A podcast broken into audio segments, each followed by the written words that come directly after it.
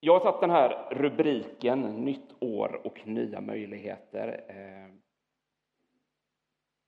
ganska givet den här tiden på året. Eh, många människor i vårt land, säkert många av oss här inne, vi förenas ju i någonting lite unikt den här helgen, eh, nämligen i våra nyårslöften.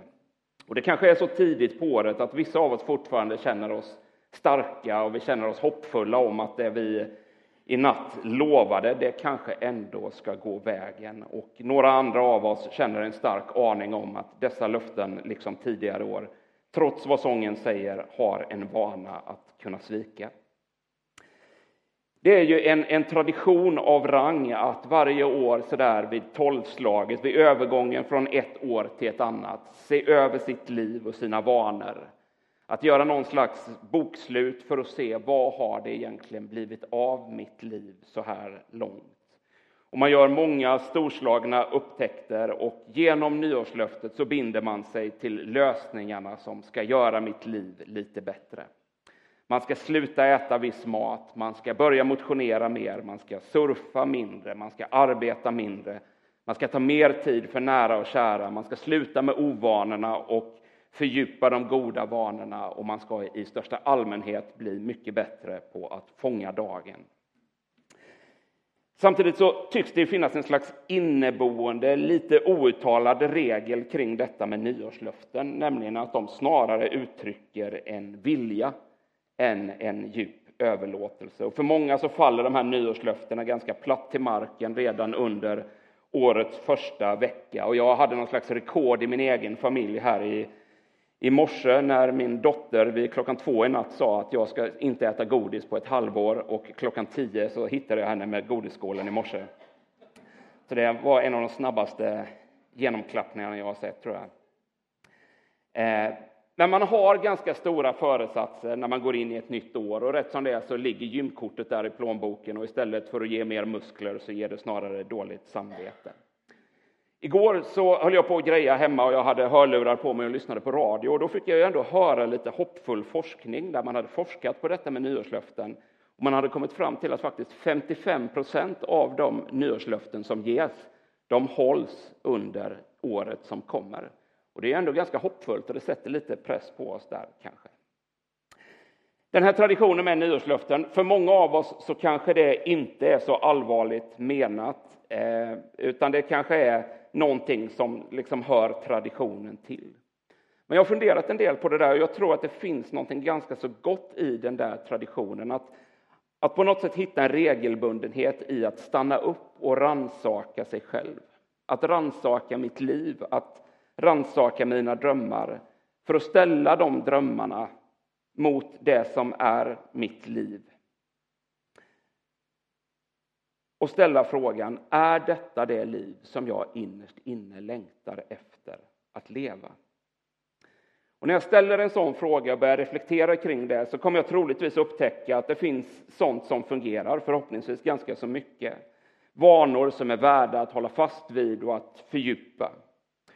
Och troligen kommer jag också upptäcka att det finns aspekter av mitt liv som fungerar sämre och som blir sånt som jag tänker att ja, men det här skulle jag vilja komma till rätta med för att kunna leva det där livet som jag längtar efter att leva. Och jag tror att det är så att på en jord som många gånger tycks snurra snabbare än någonsin, även om vi vet att så inte är fallet, så kan vi behöva hjälp av att ha den här givna perioden för att ransaka våra liv.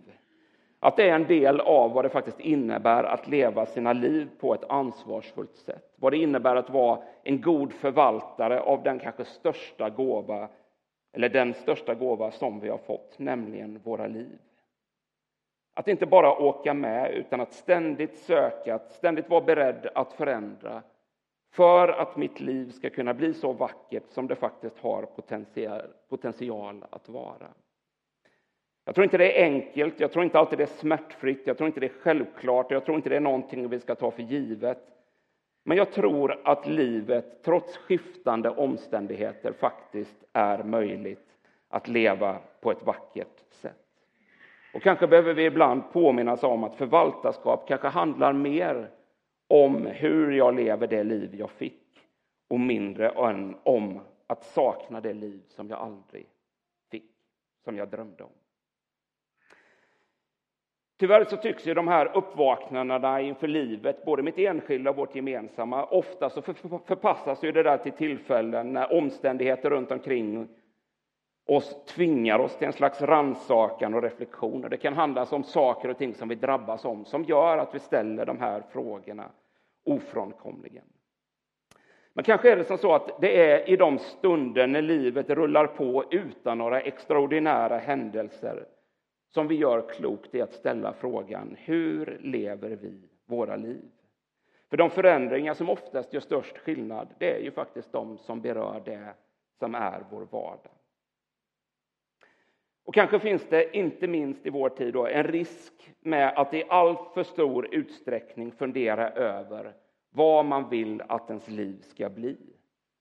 Att det finns en fara att drömmen om mitt liv blir viktigare än mitt faktiska liv.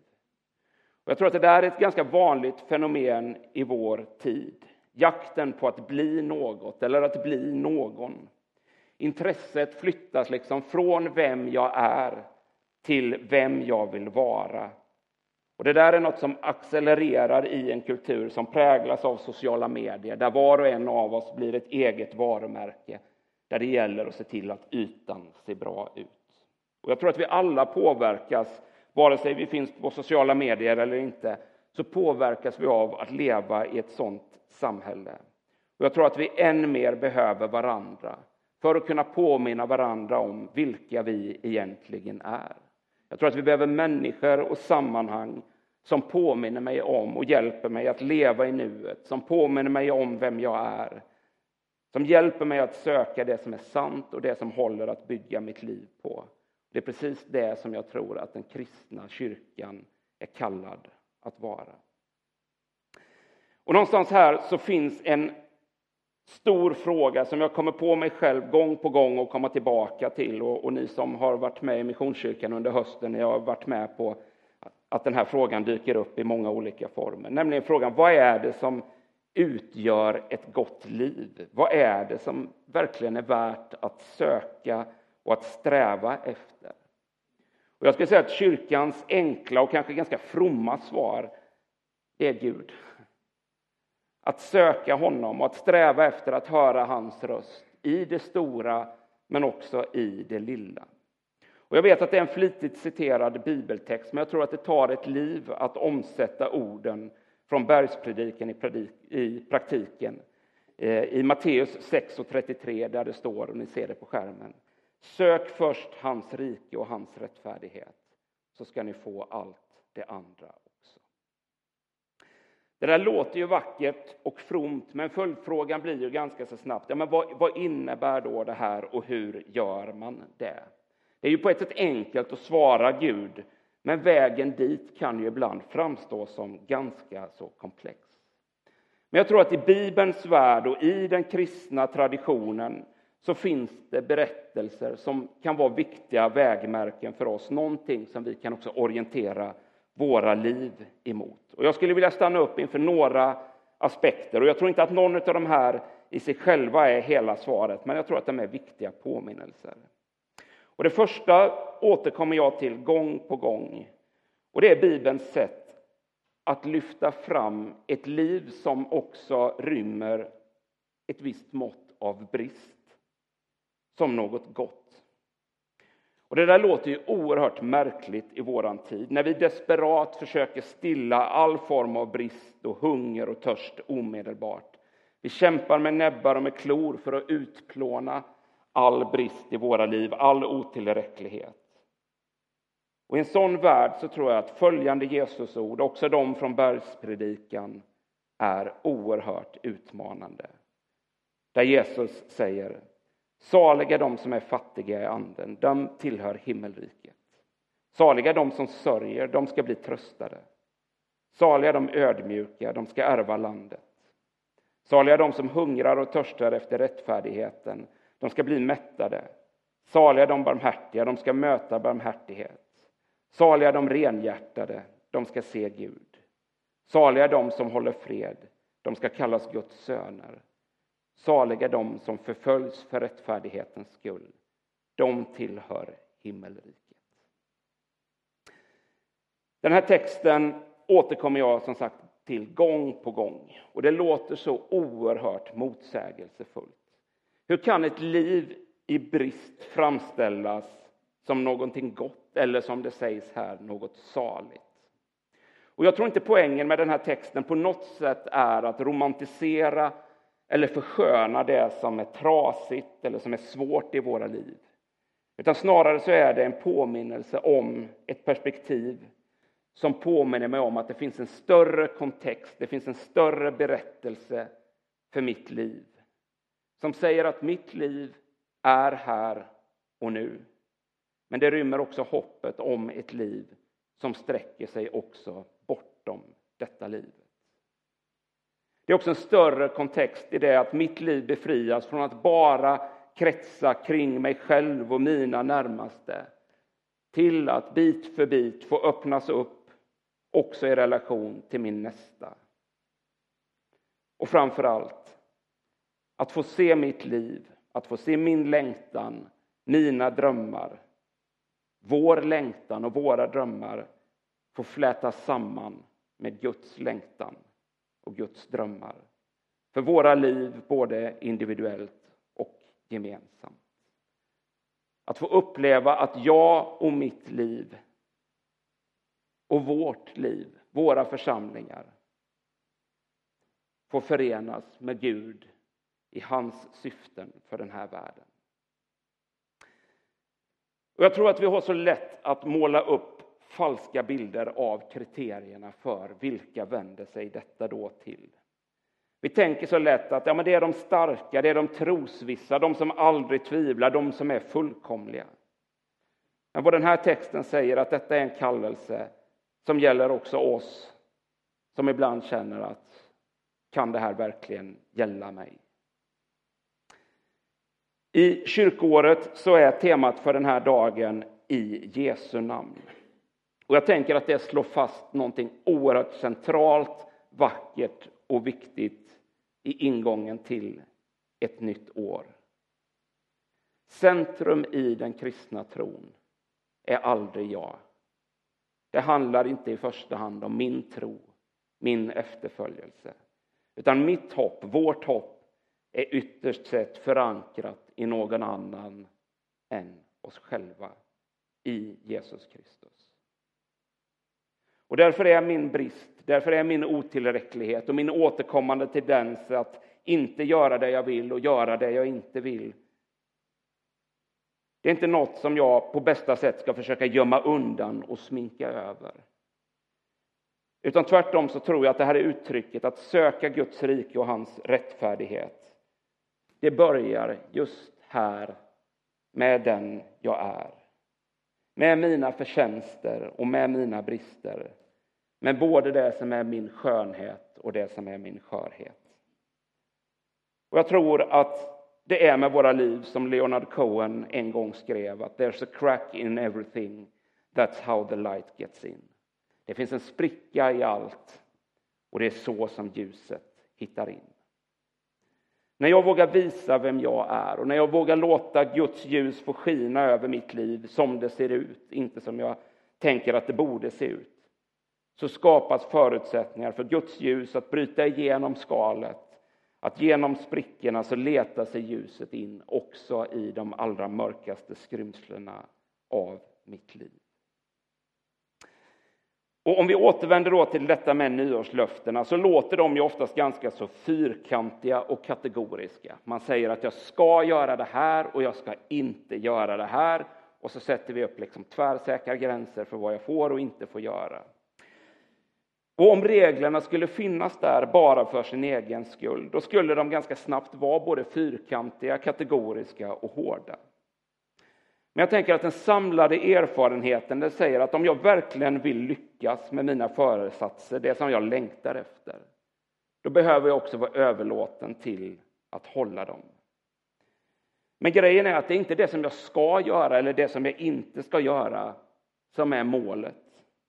Utan om jag bestämmer mig för att träna mer till exempel, då är ju syftet inte träningen, utan syftet är ju att jag ska må bättre. Och om jag bestämmer mig för att äta mindre kött, så är inte målet att äta mindre kött, utan målet kanske snarare är att må bättre eller leva ett mer hållbart liv. Det finns en mening som har levt med mig under ganska lång tid, som är skriven av Roland Spjut i en bok där han tittar närmare på kyrkans etik och moralundervisning. Och det finns många människor som, som utgör exempel på att man har gjort ganska anmärkningsvärda val i vad det innebär att följa Kristus. Det finns till exempel en person som han berättar om som heter Antonius som läser texten om den rike ynglingen som sålde allt, eller som Jesus uppmanade att sälja allt. Och när Antonius läste den texten så drabbade det honom. Och han gjorde samma sak. Och Det är lätt för oss att läsa en sån berättelse och så tänker vi att det blir ett dåligt samvete för mig över att jag inte gör samma sak. Och Det är det sammanhanget som Roland Spjut gör den här viktiga påminnelsen när han säger att målet är inte en uppfyllelse av regler.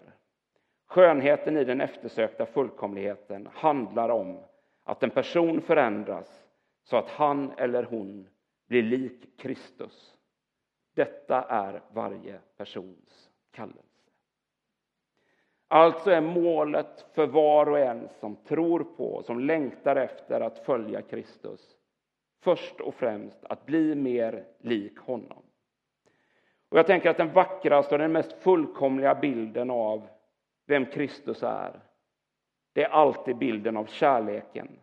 Den utgivande kärlek vars allra vackraste och mest uttömmande bild är ett kors. Och jag tänker att här någonstans så är det som att cirkeln liksom sluts, att ekvationen går ihop.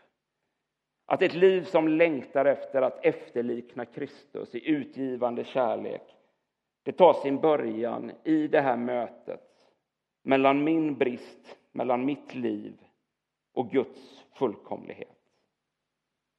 Och Det är ett liv som inte nöjer sig med vad som helst för att fylla den här längtan som vi bär.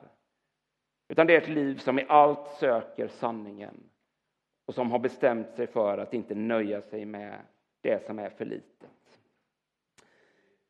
Det finns ett uttryck som jag stötte på för ganska många år sedan som, som också är ett sånt där uttryck som har levt kvar. Och det är ett engelskt uttryck där man talar om att människan är skapad med ett God-shaped hole. Alltså vi har ett gudsformat hål inom oss. Ett slags tomrum inom oss som inte kan fyllas av något annat än Gud själv. Och här går jag tillbaka till mina tidigaste barndomsminnen när jag med, med våld, som tyvärr vi människor tenderar att ta till, försökte med en sån här liten, ni vet en sån här låda med olika geometriska former. Där en triangel, liksom, den passar bara i ett hål och så tänker man att men om jag slår lite hårdare så går det säkert i det runda hålet, men det gör ju aldrig riktigt det. Lite på samma sätt tänker jag att det är med våra liv, att det finns ett utrymme i våra liv, ett tomrum som bara Gud kan fylla och vi kan försöka fylla det med mycket annat. Men jag tror aldrig det kommer att kunna svara upp mot mötet med Gud själv. Jag tror att det i vart och ett av våra liv finns ett utrymme som längtar efter Gud. Ett utrymme i oss som längtar hem. Återigen Roland Spjut som säger att detta är en längtan som inte handlar om att förbättra ett yttre beteendemönster utan som handlar om en personlig förvandling som helar ett splittrat och självcentrerat jag.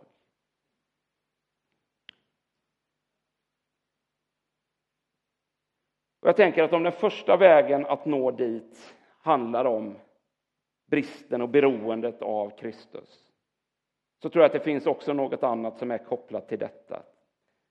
Nämligen gemenskapen med och beroendet av andra. För Det finns i den kristna tron en befrielse att mer och mer få upptäcka en värld med plats för både Gud, mig själv och andra. Och jag tror att det är just en befrielse att, upp, att kunna se hur mitt liv är satt in i ett större sammanhang. Jesus ut, understryker hur de här tre hör ihop när han får frågan om vilket är lagens viktigaste bud. Och återigen bergspredikan där Jesus svarar. Du ska, nej det är inte bergspredikan, förlåt. Du ska älska Herren din Gud av hela ditt hjärta, av hela din själ, av hela ditt förstånd och av hela din kraft. Sedan kommer detta. Du ska älska din nästa som dig själv. Något större bud än dessa finns inte. Jag tänker att det här är en så viktig påminnelse för oss när vi nu går in i ett nytt år. Våra liv är vävda i ett stycke där de här dimensionerna hänger ihop. Gud, jag själv och andra. Det berättas att William Booth, som grundade Frälsningsarmén, på sin dödsbädd fick frågan av en telegrafist om det fanns något sista budskap som han ville skicka till världens alla frälsningsarméer. Och han förstod att hans tid snart var ute. Och så berättas det att han log och så bad han telegrafisten skicka ut det här budskapet till alla världens frälsningsarméer. Och det var ett enda ord, och det var ordet others, andra. En man som hela sitt liv arbetade för Guds rike, som säkert hade hur mycket som helst att dela med sig av som sina sista ord. Han väljer ändå att sammanfatta den kristna trons budskap och kallelse med detta enda ord, andra. I mötet med Gud och i mottagande av hans kärlek så finns kraften till den utgivande kärleken. I fallet med William Booth i fallet med Antonius som jag nämnde innan och många fler så var den viktigaste upptäckten att söka det som var deras djupaste längtan. Att efterlikna och att följa Kristus. Och konsekvensen av det blev i dessa fall och många andra vackra liv som både tog emot av Guds kärlek men också gav vidare som tecken på efterföljelsen av Jesus Kristus. Han som själv är kärleken. Och kanske är det då avslutningsvis en fråga så god som någon att ställa sig vid övergången från ett år till ett annat. Vad i mitt liv finns det som hindrar mig från att än mer kunna söka Guds rike och hans rättfärdighet? Och kanske är det ett gott tillfälle för oss att fundera på om det finns sådant i våra liv som vi behöver förändra.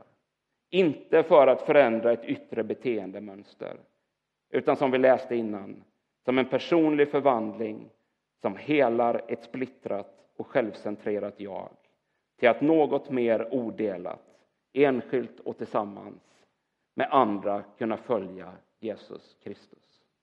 Ska vi be tillsammans. Jesus Kristus, tack för nåden att få möta ännu ett nytt år. Tack för nåden att få göra det tillsammans med andra och tillsammans med dig. Tack att du vill våra liv, att du känner oss utan och innan.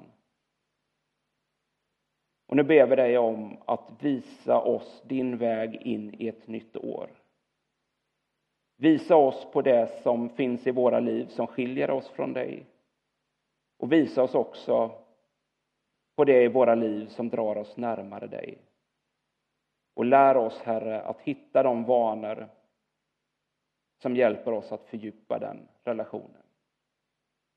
Hjälp oss att än mer kunna se hur våra liv hör ihop och är vävda i ett stycke.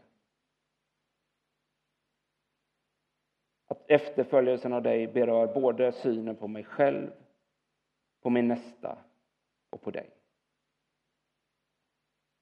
ber jag för var och en av oss som sitter här inne. Ber vi om din välsignelse över oss och våra liv, över våra familjer, över Bankeryd, över våra församlingar. Jesus Kristus, lär oss att se din väg in i ett nytt år med alla de möjligheter som också ligger framför.